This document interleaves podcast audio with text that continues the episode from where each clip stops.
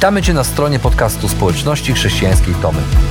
Mamy nadzieję, że rozważanie, które za chwilę usłyszysz, zainspiruje Cię do zrobienia kolejnego kroku w Twojej relacji z Bogiem. Bo w naszej społeczności zapraszamy wszystkich do relacji z Chrystusem, który zmienia wszystko. Dziękujemy za Twoje zainteresowanie i zapraszamy Cię do polubienia naszego profilu na Facebooku, Instagramie i YouTubie oraz ściągnięcia darmowej aplikacji na smartfona. Dobrego słuchania.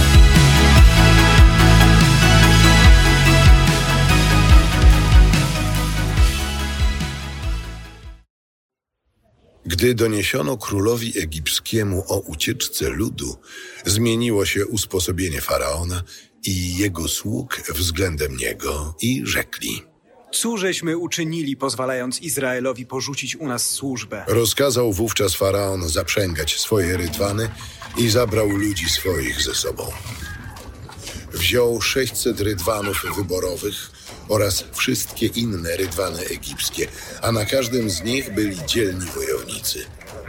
Pan uczynił upartym serce faraona, króla egipskiego, który urządził pościg za Izraelitami. Ci jednak wyszli swobodnie. Egipcjanie więc ścigali ich i dopędzili obozujących nad morzem. Wszystkie konie i rydwany faraona, jeźdźcy i całe wojsko jego podpicha Hirot naprzeciw Baal Sefon. A gdy się zbliżył faraon, Izraelici podnieśli oczy i ujrzawszy, że Egipcjanie ciągną za nimi, ogromnie się przerazili. Izraelici podnieśli głośne wołanie do Pana. Rzekli do Mojżesza. Czyż brakowało nam grobów w Egipcie, że nas tu przyprowadziłeś, abyśmy pomarli na pustyni? Cóż uczyniłeś nam przez to, że wyprowadziłeś nas z Egiptu? Czyż nie mówiliśmy ci wyraźnie w Egipcie, zostaw nas w spokoju, chcemy służyć Egipcjanom? Lepiej bowiem nam było służyć im, niż umierać na tej pustyni. Mojżesz odpowiedział ludowi. Nie bójcie się. Pozostańcie na swoim miejscu, a zobaczycie zbawienie od Pana, jakie zgotuje nam dzisiaj. Egipcjan bowiem, których widzicie teraz, nie będziecie już nigdy oglądać. Pan będzie walczył za was, a wy pozostaniecie spokojni. Pan rzekł do Mojżesza. Czemu głośno wołasz do mnie? Powiedz Izraelitom, niech ruszają w drogę. Ty zaś podnieś swą laskę i wyciągnij rękę nad morze i rozdziel je na dwoje, a wejdą Izraelici w środek morza na suchą ziemię. Ja natomiast uczynię upartymi serca Egipcjan, także pójdą za nimi. Wtedy okażę moją potęgę wobec Faraona, całego wojska jego, rydwanów i wszystkich jego jeźdźców. A gdy okażę moją potęgę wobec Faraona, jego rydwanów i jeźdźców, wtedy poznają Egipcjanie, że ja jestem Pan. Anioł Boży, który szedł na przedzie wojsk izraelskich, zmienił miejsce i szedł na ich tyłach. Słup obłoku również przeszedł z przodu i zajął ich tyły, stając między wojskiem egipskim a wojskiem izraelskim. I tam był obłok ciemnością, tu zaś oświecał noc. I nie zbliżyli się jedni do drugich przez całą noc. Mojżesz wyciągnął rękę nad morze, a Pan cofnął wody gwałtownym wiatrem wschodnim, który wiał przez całą noc i uczynił morze suchą ziemią. Wody się rozstąpiły, a Izraelici szli przez środek morza po suchej ziemi, mając mur z wód po prawej i po lewej stronie. Egipcjanie ścigali ich. Wszystkie konie faraona, jego rydwany i jeźdźcy weszli za nimi w środek morza. O świcie spojrzał Pan ze słupa ognia i ze słupa obłoku na wojsko egipskie i zmusił je do ucieczki. I zatrzymał koła ich rydwanów, tak że z wielką trudnością mogli się naprzód posuwać. Egipcjanie krzyknęli. Uciekajmy przed Izraelem! W jego obronie pan walczy z Egipcjanami! A Pan rzekł do Mojżesza: Wyciągnij rękę nad morze, aby wody zalały Egipcjan, ich rydwany i jeźdźców. Wyciągnął Mojżesz rękę nad morze, które o brzesku dnia wróciło na swoje miejsce. Egipcjanie uciekając biegli naprzeciw falom i pogrążył ich Pan w środku morza.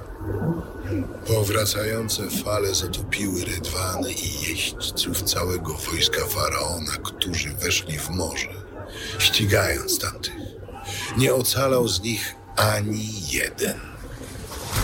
Izraelici zaś szli po suchym dnie morskim, mając mur wodny po prawej i po lewej stronie. W tym to dniu wybawił Pan Izraela z rąk Egipcjan.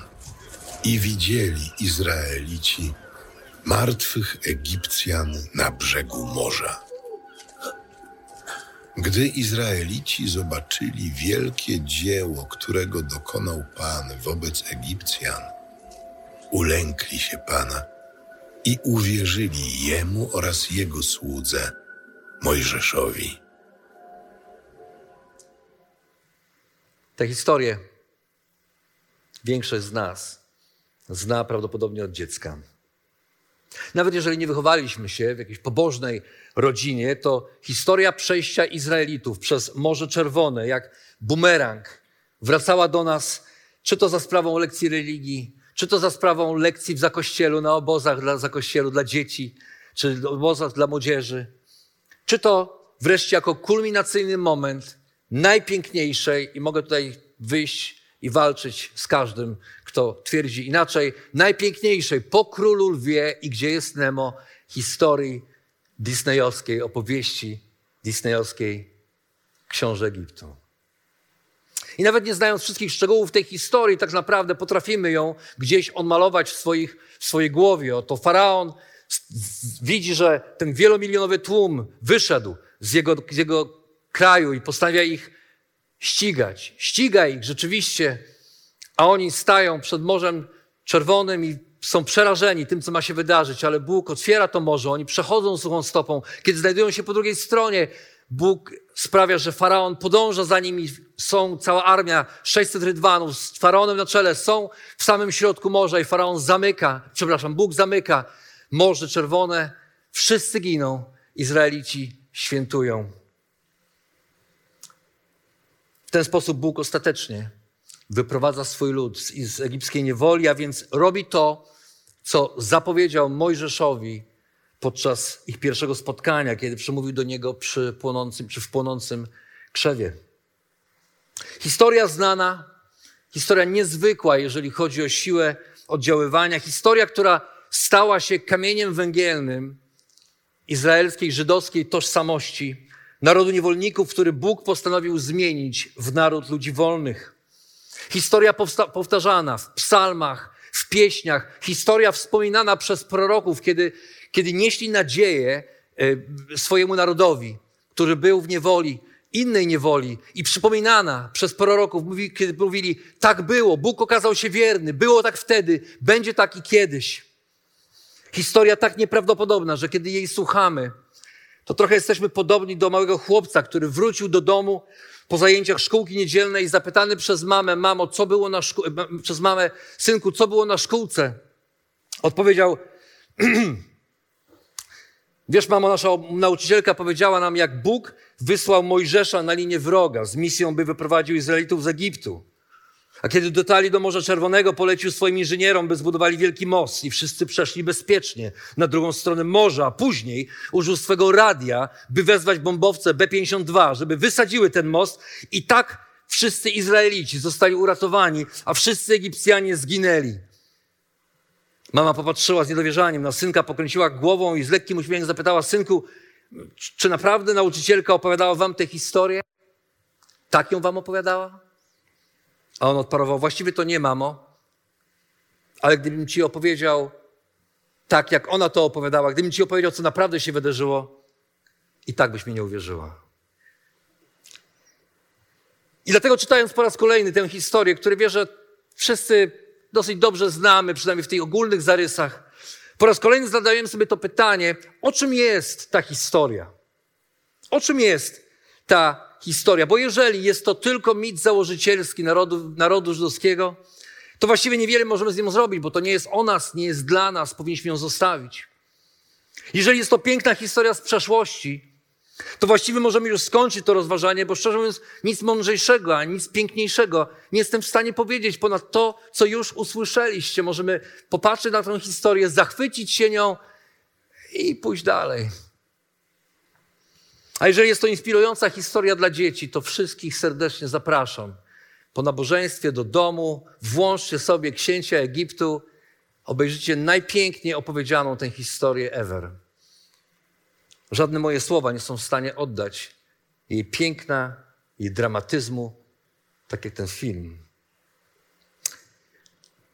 Ale jeżeli, tak jak każda historia w Piśmie Świętym, którą czytamy, ta historia jest częścią ponadczasowej historii, którą Bóg pisze pod natchnieniem Ducha Świętego, spisują ją autorzy Starego Testamentu to również ta historia, wierzę, została zapisana po to, żeby zostać przekazana kolejnym pokoleniom. I nie tylko w zamyśle pokoleniom narodu żydowskiego, ale wierzę też, że naszemu pokoleniu i dzisiaj, kilka tysięcy lat później, chociaż nie jesteśmy narodem izraelskim.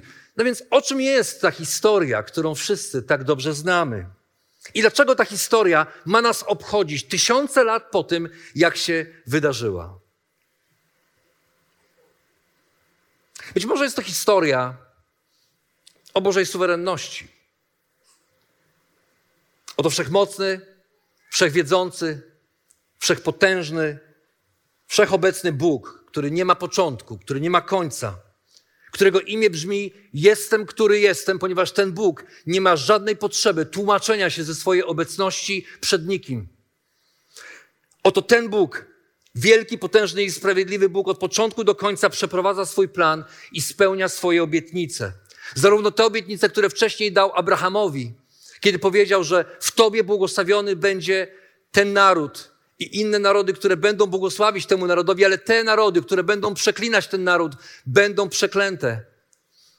A może jest to Bóg, który spełnia obietnicę, którą później dał Mojżeszowi, kiedy powołał go, aby ten przeprowadził jego lud, wyprowadził jego lud z ziemi egipskiej, z domu niewoli. I Bóg realizuje swój plan, Bóg realizuje swoje obietnice, bo jest suwerenny i nikt i nic nie jest w stanie go powstrzymać. On powołuje królów, on obala władców, on ustanawia imperia i on niszczy imperia. On frustruje narody, i czyni swoją wolę jak chce, kiedy chce i gdzie chce i, i, i nikt i nic nie jest w stanie go powstrzymać, bo on jest królem królów i panem panów. Nikt i nic nie jest w stanie równać się z jego potęgą. I to właśnie on w tej historii czytamy, każe zawrócić z tej drogi, kiedy oni już wyszli z Egiptu, to właśnie Bóg mówi: zatrzymajcie się, zawróćcie i rozłóżcie się obozem koło Picha Hirot między Migdol a morzem nad samym brzegiem Morza Czerwonego, stawiając ich w sytuacji bez wyjścia. To nie jest tak, że oni się zawrócili i nie mieli co robić. Bóg mówi: wróćcie i zatrzymajcie się. Oni stają w obliczu tej sytuacji i to Bóg każe im w tym miejscu być. I to Bóg zatwardza serce faraona i dopuszcza do tego, aby ruszył na czele 600 rydwanów w pościg za Izraelem, który znajduje się w śmiertelnym niebezpieczeństwie. I to on każe Izraelowi ruszać, to on otwiera przed nimi morze, to on je zamyka, kiedy Izrael jest już bezpieczny, a Egipcjanie znajdują się w samym środku tego morza. Wszystko po to, aby, jak powiedział wcześniej, to jak zapowiedział, to też się stało wszystko po to, żeby wsławić się kosztem faraona i całej jego armii, którzy mieli przekonać się, że tylko on jest Panem.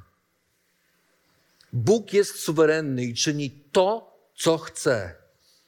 Czy nam się to podoba, czy nam się to nie podoba. I może to o tym jest właśnie ta historia. O Bogu, który jest suwerenny i czyni co chce i kiedy chce. A ponieważ Bóg jest dobry, to jego plan nawet jeżeli czasami dla nas niezrozumiały, zawsze jest dobry. Nawet jeżeli okoliczności życia, w których się znaleźliśmy, są nieciekawe albo wyglądają zgoła dramatycznie, to Bóg pozostaje dobry. Jego plan dla nas jest dobry, chociaż w danym momencie możemy myśleć inaczej. I Boża suwerenność pozwala nam zachować pokój w chwilach, kiedy wszystko wydaje się, jakby wymknęło się Bogu spod kontroli, jakby nam się wymknęło spod kontroli, jakbyśmy już nie wiedzieli, nie wiedzieli, co mamy zrobić i jak się zachować i jak żyć, jakbyśmy, jakby nasze życie nagle zaczęło przypominać miotaną wiatrami, unoszoną na wezbranym morzu łódkę. Boża suwerenność nie oznacza braku problemów. Więcej. Boża suwerenność oznacza, że znajdziemy się, znajdziemy się w sytuacjach, które mogą się wydawać dziwne i niezrozumiałe. Tak jak Izraelici, którzy znaleźli się twarzą w twarz z Morzem Czerwonym i wojskiem egipskim za swoimi plecami. Ale Boża suwerenność daje nam pewność, że kiedy te trudne chwile nadejdą, nie będziemy sami że jest ktoś, komu nic nie wymknęło się spod kontroli, że nawet w najtrudniejszych, najbardziej nieprzewidywalnych, najbardziej dramatycznych momentach naszego życia Bóg trzyma wszystko w swoim ręku i przeprowadza swój plan, może dla nas niezrozumiały, może trudny do przyjęcia, ale plan, którego ostatecznym celem jest Jego chwała i nasze dobro. Jerry Bridges powiedział kiedyś, to, co powinno odróżniać cierpienie wierzących od niewierzących, to pewność, że nasze cierpienie znajduje się pod kontrolą wszechmącego i kochającego Boga. Nasze cierpienie ma sens i cel w odwiecznym planie Boga, a On wnosi lub pozwala wejść w nasze życie tylko temu, co jest dla Jego chwały i dla naszego dobra. Chociaż czasem tak strasznie trudno w to uwierzyć. Więc może ta historia jest po prostu historią o Bożej suwerenności. I to już dużo. Ale może jest to też historia o ludzkim gniewie i przerażeniu w obliczu trudności, albo niewdzięczności i krótkiej pamięci. No bo z jednej strony mamy gniew faraona, to prawda, że Bóg mówi, że to On zatwardzi serce faraona, ale z poprzednich rozdziałów, zwłaszcza z tego rozdziału, z tego, z tego rozdziału, kiedy czytamy o pięciu pierwszych plagach egipskich, czytamy o tym, że one się wydarzyły, ponieważ faraon uparł się w swoim sercu, ponieważ to faraon zdecydował się nie być posłusznym Bogu. On zatwardził swoje serce, jego serce takie pozostało i Bóg, czytamy dalej, Bóg, chociaż przemawiał do niego, to jego serce się nie otworzyło, pozostało nieczułe na Boży głos, na Boże wezwanie, przepełnione gniewem i nienawiścią. A po stracie swojego pierworodnego syna i wypuszczeniu Izraelitów, nagle zdaje sobie sprawę z tego, co zrobił, i jego serce znowu wypełnia się gniewem i nienawiścią, bo nie może przyjąć porażki, bo nie może wyjść na głupca wobec swojego własnego ludu, więc każe zaprząc 600 rydwanów i całej armii udać się razem z nim po to, żeby ścigać, ścigać Izraelitów. Pycha, gniew, nienawiść, zaślepiają go tak bardzo, że prowadzi na śmierć tysiące swoich żołnierzy i sam ginie w odmętach morza. Taki jest gniew faraona. Ale z drugiej strony mamy Izraelitów, o których czytamy, że kiedy wychodzili z Egiptu, tak mówi ten tekst, byli dość pewni siebie. Izraelitów, którzy najpierw rozbijają obóz nad morzem zgodnie z tym, co polecił im Bóg, ale kiedy tylko zdają sobie sprawę z tego, że za ich plecami uderza wielka, potężna egipska armia. Nagle zaczynają panikować, nagle gniew wypełnia ich serca i zaczynają wołać do Mojżesza, czy dlatego, że w Egipcie nie było grobów, wyciągnąłeś na stół, abyśmy zginęli na pustyni?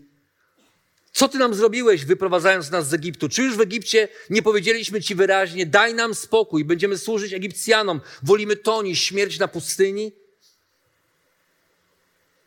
Jeden moment przerażenia i zapomnieli. Zupełnie zapomnieli o tym, co naprawdę wydarzyło się w Egipcie. Co działo się przez kilkaset lat z nimi, kiedy stali się narodem niewolników. I zapomnieli o tym, co stało się jeszcze tak niedawno, kiedy Bóg okazał swoją moc i potęgę i na ich oczach odwrócił proces stworzenia i dokonał cudów, które nie miały precedensu w historii. Oni to widzieli. A teraz mówią Mojżeszowi, hej, hej, lepiej było siedzieć w kajdanach, jeść zupę po prostu i być niewolnikami i kłaść się spać, wiedząc jak nasz dzień wygląda od rana do wieczora i nawet dostać po grzbiecie parę razy, ale, ale przynajmniej byliśmy bezpieczni. Naprawdę. Tak może powiedzieć tylko człowiek, który całe swoje życie spędził w niewoli. Jakie to ludzkie. Ile to razy, kiedy pomyślimy sobie o nas samych, zanim osądzimy tych biednych Izraelitów, kiedy pomyślimy o nas samych, ile to razy Bóg wyprowadzał cię z trudnej sytuacji, a kiedy pojawiały się kolejne przeszkody w twoim sercu, pojawiał się gniew i złożyczenie zamiast wdzięczności i ufności.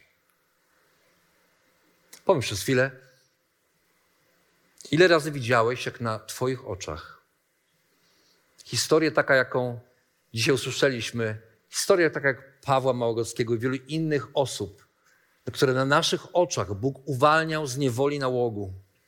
I widzieliśmy, jak przywraca ich do życia. Historie, o których ludzie, którzy znają się na tym, mówią, to jest cud, to jest fizycznie, w pewnym momencie, fizjologicznie prawie niemożliwe, żeby to się stało, a jednak na naszych oczach, na Twoich oczach Bóg przywracał do życia kolejne osoby. Uwalniał ludzi z niewoli nałogu, sklejał rozerwane małżeństwa, składał rozbite na drobne kawałki relacje, a kiedy samemu stawałeś się w sytuacji, stawałeś w sytuacji, zdawałoby się bez wyjścia, nie potrafiłeś uwierzyć, że Bóg ciebie też przez to przeprowadzi. Ile razy samemu doświadczyłeś Jego opieki, Jego miłości, Jego zaopatrzenia, Jego troski? Ile razy dziękowałeś Mu za Jego łaskę i prowadzenia w obliczu kolejnego życiowego wyzwania? Wołałeś do Boga, po co mi to wszystko? Ty i Twoje słowo, łatwiej było bez Ciebie.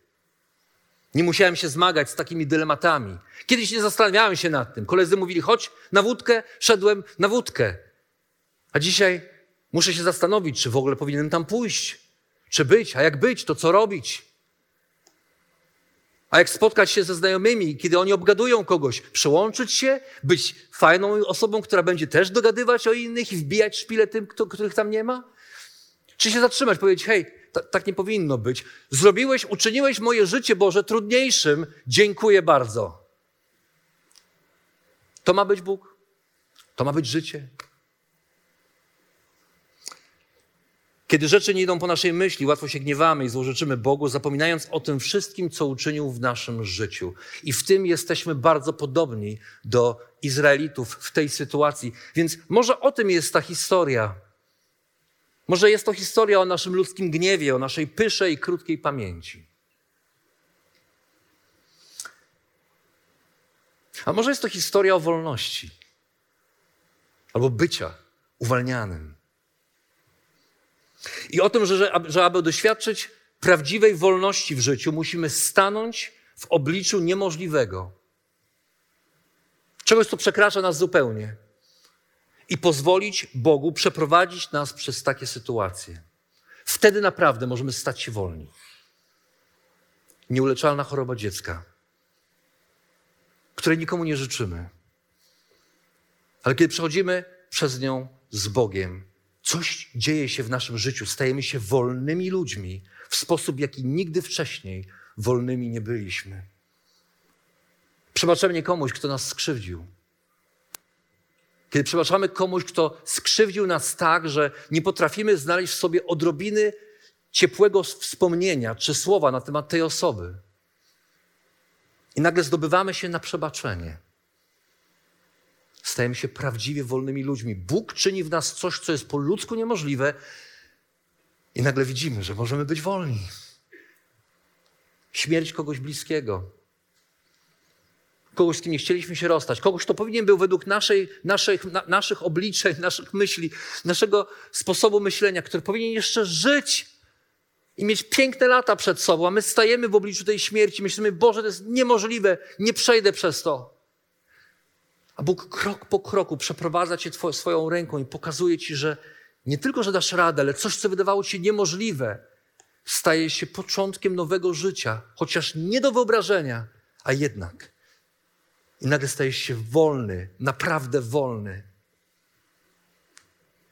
Może jest to historia o tym, że dopiero wtedy stajemy się naprawdę wolni, kiedy w tych niemożliwych do przejścia z ludzkiego punktu widzenia sytuacjach doświadczamy Jego mocy w naszym życiu, tak jak Izraelici, którzy dopiero co odetchnęli wolnością. Właściwie można powiedzieć, że naprawdę odetchnęli wolnością, kiedy stawili czoła niemożliwemu, stanęli przed morzem, Bóg powiedział idź. I oni poszli, i otworzyło się morze, i oni przeszli, i stanęli po drugiej stronie, i Bóg kazał zamknąć, czy zamknął morze, i oni zobaczyli, jak ich wrogowie legli i potopili się. I kiedy tam stanęli, wreszcie zobaczyli, to się stało, wreszcie zrobili wielkie.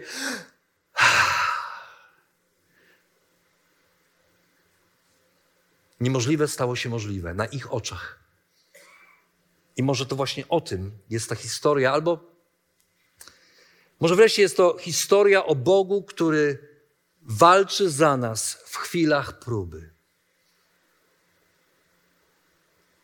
Może to historia o Bogu, że On staje do walki wtedy, kiedy my nie możemy już nic zrobić, i On walczy za nas, ponieważ my już nie mamy siły i nie wiemy, co zrobić.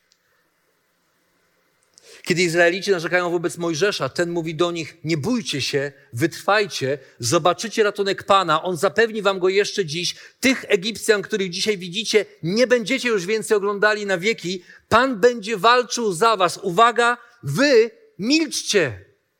On mówi: Cicho już, już wystarczy, już zamknijcie się, przestańcie gadać. Po prostu zróbcie krok do przodu, zróbcie to, co mówi Bóg nie zrobicie nic w tej sprawie, on będzie walczył za was. Jesteście tak przerażeni, że nie bylibyście w stanie zrobić jednego kroku w stronę tej armii i podjąć nawet walki. Zresztą oni są zbyt potężni, zbyt wielcy. Może to jest historia o tym, że Bóg zawsze jest z nami w trudnych chwilach i walczy za nas w naszych problemach, trudnościach, zmaganiach, wtedy, kiedy nam już nie starcza sił, kiedy już nawet nie wiemy, co zrobić, kiedy jesteśmy bezradni, kiedy zdajemy sobie sprawę, że najlepszą rzeczą, jaką możemy zrobić w takich sytuacjach, jest całkowicie zdać się na Niego i na Jego prowadzenie. Zaufać Mu i pozwolić Mu walczyć za nas. Walczyć za nas. Albo w tych sytuacjach, kiedy czujemy niesprawiedliwość, i chcielibyśmy odpłacić pięknym za nadobne. Myślimy sobie, nie, tak nie może być, dosyć już tego. I przychodzi opamiętanie i mówimy, nie, nie, Boże, oddaję to Tobie. Będziesz walczył za mnie, a ja się zamknę i będę milczał, milcząco i posłusznie robiąc to, do czego mnie, do czego mnie wzywasz. Więc o czym jest ta historia? W pewnym sensie o każdej z tych rzeczy po trochu. Trochę o Bogu i Jego suwerenności, że On zawsze robi to, co chce, kiedy chce i jak chce, że On zawsze dotrzymuje swoich obietnic i przeprowadza swój plan bez względu na okoliczności. Nawet jeżeli rzeczywistość wydaje nam się niezrozumiała, On ciągle trzyma wszystko w swoich rękach i nie jest zaskoczony nawet przez sekundę. Trochę pewnie o nas, o naszym gniewie i naszej krótkiej pamięci. Że łatwo się gniewamy, kiedy rzeczy idą nie po naszej myśli i szybko zapominamy to, co Bóg dla nas uczynił w przeszłości. A trochę o wolności. Że prawdziwie wolni stajemy się dopiero wtedy, kiedy pozwalamy Bogu przeprowadzić nas przez sytuacje, które z ludzkiego punktu widzenia wydają się niemożliwe do przejścia. O trochę o zaufaniu Bogu w obliczu próby. Że On walczy za nas i okazuje nam swoją łaskę w chwili pokusy, w chwilach trudnych, w chwilach, kiedy stajemy w obliczu wyzwania. Trochę o tym, trochę o tym, trochę też pewnie o tym, ale przede wszystkim dla nas dzisiaj, kilka tysięcy lat po tej historii, kiedy czytamy ją na kartach Bożego Słowa. Dzisiaj dla nas przede wszystkim ta historia jest obrazem tego, co dokonało się w Twoim i moim życiu, kiedy Chrystus zapłacił najwyższą cenę za Twój i mój grzech. i raz na zawsze uwolnił nas do nowego życia. Ta historia dzisiaj dla nas to obraz zbawienia, które dokonało się w Chrystusie. Kiedy Izrael znalazł się na drugim brzegu rzeki, czytamy w kolejnym rozdziale, że Mojżesz wraz z synami Izraela zaśpiewał Panu tę pieśń. Będę śpiewał Panu. Tak się zaczyna. Bo odniósł zwycięstwo, konie z rydwanami rzucił w morze. Pan jest mocą moją i pieśnią moją. On stał się moim zbawieniem, On jest mym Bogiem, którego takiego wielbię. To Bóg mojego Ojca, Jemu chwała. Tak się zaczyna ta pieśń. A w dalszej części ta pieśń jest opisem potęgi i wszechmocy Boga, który zwyciężył faraona, jest święty i potężny. Nie ma innego równego mu bóstwa. On walczył za Izrael, on dokonał niemożliwego, nikt nie przyłożył do tego ręki. On sam jest królem na wieki i zawsze. Amen. Mojżesz wraz z Izraelem śpiewa tę pieśń. Bo tak robiły wojska po wygranej walce, po wygranej wo wojnie czy walce.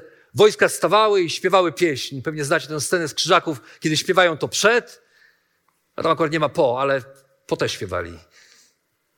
Więc oni śpiewają po, ponieważ nie mogą się zatrzymać i przejść obojętnie obok tego, co się wydarzyło. Ale ta pieśń, kiedy się w nią dobrze wsłuchamy, nawet ten krótki fragment, który przed chwilą czytaliśmy, ona nie jest o nich. To nie jest pieśń, w której oni idą, biją się w piersi i mówią: Haha, tacy byliśmy wielcy, daliśmy rady. To nie jest pieśń, w której oni skaczą, podrygują i cieszą się, jacy to byli mocarni i potężni, jak wszystko przewidzieli, jak dali radę, jak im się udało i jak zwykle znowu odnieśli zwycięstwo. To nie jest pieśń o tym, gdzie by śpiewali, jak ani odrobina strachu nie pojawiła się w ich sercach, ale oni od razu wiedzieli, co mają zrobić, stawili czoła i Niemożliwe stało się możliwe. Nie wiedzą jak, ale jakoś się stało i to oni. Nie, to nie jest o tym pieśń. Ani przez moment w tej pieśni oni nie śpiewają o sobie, bo oni nie walczyli. Bo Bóg nie kazał im nic robić, bo Bóg kazał im po prostu milczeć. Bo cała ta sytuacja była całkowicie poza zasięgiem ich możliwości, była beznadziejna z ludzkiego punktu widzenia, ale on walczył za nich i zwyciężył, i to jemu, tylko jemu, Bóg zrobił to po to, żeby im przez myśl nie przyszło, że oni mieli jakikolwiek udział w tym zwycięstwie. Nie mieli żadnego. Mogli tylko być cicho i zaufać, że Bóg zrobi to, co powiedział, że zrobi, i przyglądać się temu jak Bóg swoją potężną ręką zamknął wody Morza Czerwonego i pokonał faraona. Nie mieli w tym żadnego udziału. I teraz, jako prawdziwie wolni ludzie, stoją na drugim brzegu tego morza. I wreszcie, jako wolni ludzie, mogą oddać mu chwałę, bo to robi właśnie wolne serce. Wolne serce, serce, które zostało uwolnione przez Boga, to serce wdzięczności. To serce, które patrzy na Boga i mówi: Gdyby to było tylko, gdyby to zależało ode mnie, nie byłoby mnie tutaj. Ale gdyby nie Ty, gdyby nie Ty, gdyby nie Ty. Free at last.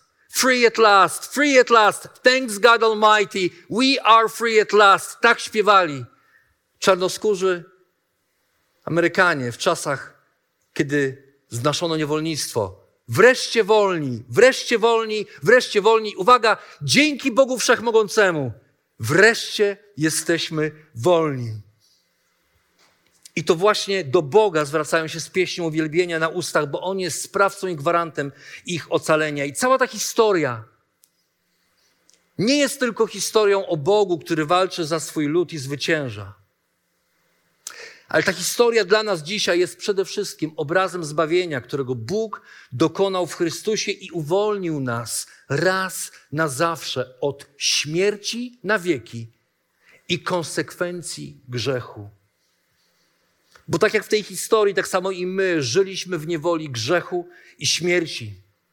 Tak jak w tej historii, tak samo i my, jak i Izraelici, nie mogliśmy nic zrobić, żeby się z tej niewoli uwolnić. Tak jak w tej historii, tak samo w naszej historii Bóg bierze inicjatywę w swoje ręce, przejmuje odpowiedzialność, bo On się troszczy o nas. o nas, ponieważ my jako ludzie jesteśmy mu powierzeni i on się troszczy o nas, więc bierze odpowiedzialność za nas i robi to, czego my nie jesteśmy w stanie sami zrobić. Staje do walki za nas, pomimo naszej niedoli, pomimo naszej, naszej mizerii, pomimo tego, że jesteśmy, mamy skłonność do czynienia zła, mamy skłonność do grzechu. Tak samo jak w tej historii, tak samo Bóg w Chrystusie na krzyżu walczy za nas i o nas. Tak samo jak w tej historii odnosi zwycięstwo nad diabłem, nad złem, nad grzechem, nad śmiercią. I wreszcie tak samo jak w tej historii, tak samo Bóg nas uwalnia od zniewolenia grzechem i śmiercią, daje nam nadzieję wiecznego życia i możliwość prawdziwie wolnego życia po tej stronie wieczności. Jezus zrobił wszystko, a my nie musieliśmy robić nic. Nawet więcej. Jezus zrobił wszystko, a my nie mogliśmy i nie możemy nic więcej zrobić.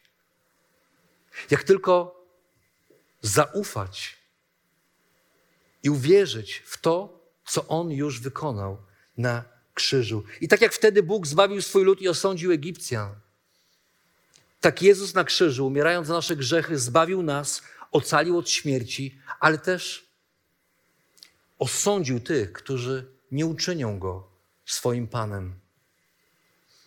I tak jak wtedy Mojżesz i Izrael wznieśli do Boga pieśń ocalonych, tak samo i my za chwilę wzniesiemy do Boga pieśń, która została napisana przez zespół o nomen omen nazwie Exodus 15. Ponieważ nazwa tego zespołu i pieśń, którą będziemy śpiewać, bezpośrednio nawiązuje do tej pieśni ocalonych, pieśni zbawionych, pieśni uwolnionych, pieśni wolnych ludzi. I za chwilę my też będziemy mogli oddać Mu chwałę. Tak jak On uwolnił Izraelitów, tak samo uwolni każdego z nas w Chrystusie, kto Jemu zaufał. Uwolnił i uwalnia od śmierci i konsekwencji grzechu, abyśmy właśnie jako wolni ludzie mogli oddać Mu chwałę nie tylko poprzez pieśni, to zrobimy za chwilę, ale całym swoim życiem, każdym naszym dniem, bo jesteśmy wolnymi ludźmi. I kiedy zaufamy Bogu, On uwalnia nas od grzechu i śmierci, byśmy jako wolni ludzie oddawali Mu chwałę. I o tym właśnie jest ta historia.